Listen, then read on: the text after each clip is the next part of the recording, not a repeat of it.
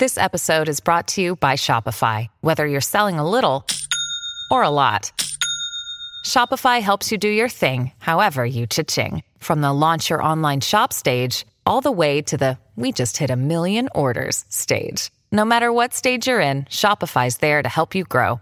Sign up for a $1 per month trial period at shopify.com slash special offer, all lowercase. That's shopify.com slash special offer.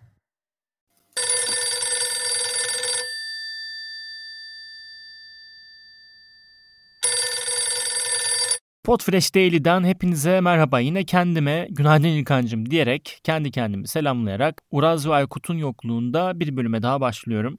Yüksek müsaadenizle. Bugün yine bir hap bir bilgi, yine teknik bir tarafından bahsedeceğiz podcast'in. O da nedir? Podcast'te hepinizin tahmin edeceği gibi akış daima en önemli şeylerden birisi. Tabi bu konuda yapılan bazı büyük hatalar var. Bunlardan birisi de full bir metin yazıp onun üzerinden oku. Bundan da kötüsü Hani okey okuyorsun ama okumakla kalmayıp onu okuduğunu çok fazla belli etmek. Yani bunu belli etmemek için belki de ne bileyim hani 10 yıllık bir anchorman olmak gerekir belki de. Yani bunu çok iyi yapmak gerekir. Ya belki tiyatro oyuncusu olmak gerekir. Yani eğer bunlardan biri değilseniz ve bununla ilgili bir deneyiminiz yoksa yayın robotikleşir, duygusuzlaşır ve monotonlaşır. Sanki sürekli böyle kulağınızda birisi bir şey okuyormuş gibi bir hissiyat bence güzel değil. Ben şahsen öyle podcastlere geldiğim zaman en fazla yarım dakika falan tahammül edebiliyorum. Çünkü hani birinin bir şey okumasını istiyorsam bana kulağıma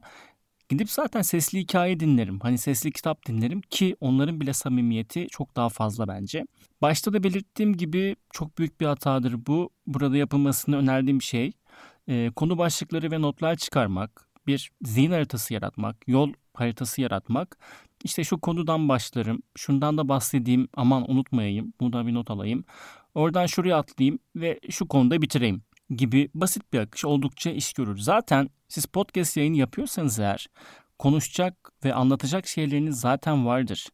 Ee, zaten siz bu konuya hani hakimsinizdir konuşmak istediğiniz konuya. Ya ilgi alanınızdır ya da uzmanlık alanınızdır. O yüzden full metinden okumadan ufak konu başlıklarıyla gayet ama gayet güzel yayınlar yapılabilir.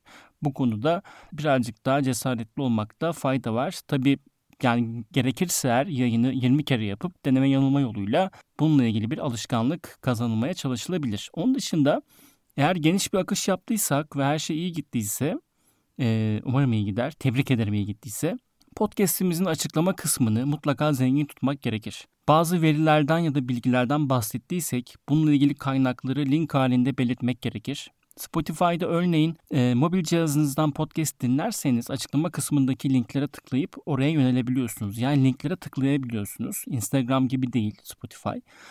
Mesela bir fotoğraftan bahsettiniz podcastinizde. Onu göstermek adına aynı anda işte bu fotoğrafın linkini açıklama kısmına koyuyorum deyip dinleyiciyi açıklama kısmına yönlendirdiğiniz zaman hem sizi dinler hem de bahsettiğiniz fotoğrafa bir yandan da bakmış olur sizi dinleyen insan. Evet yine kısaca ufak bir tutorial tadında hap bir bilgiden bahsettik. Akış içeriğimizi nasıl oluşturalım, nasıl bir yol izleyelim bunu konuştuk birazcık kısaca. Yarın sabah tekrar görüşmek üzere, hoşçakalın.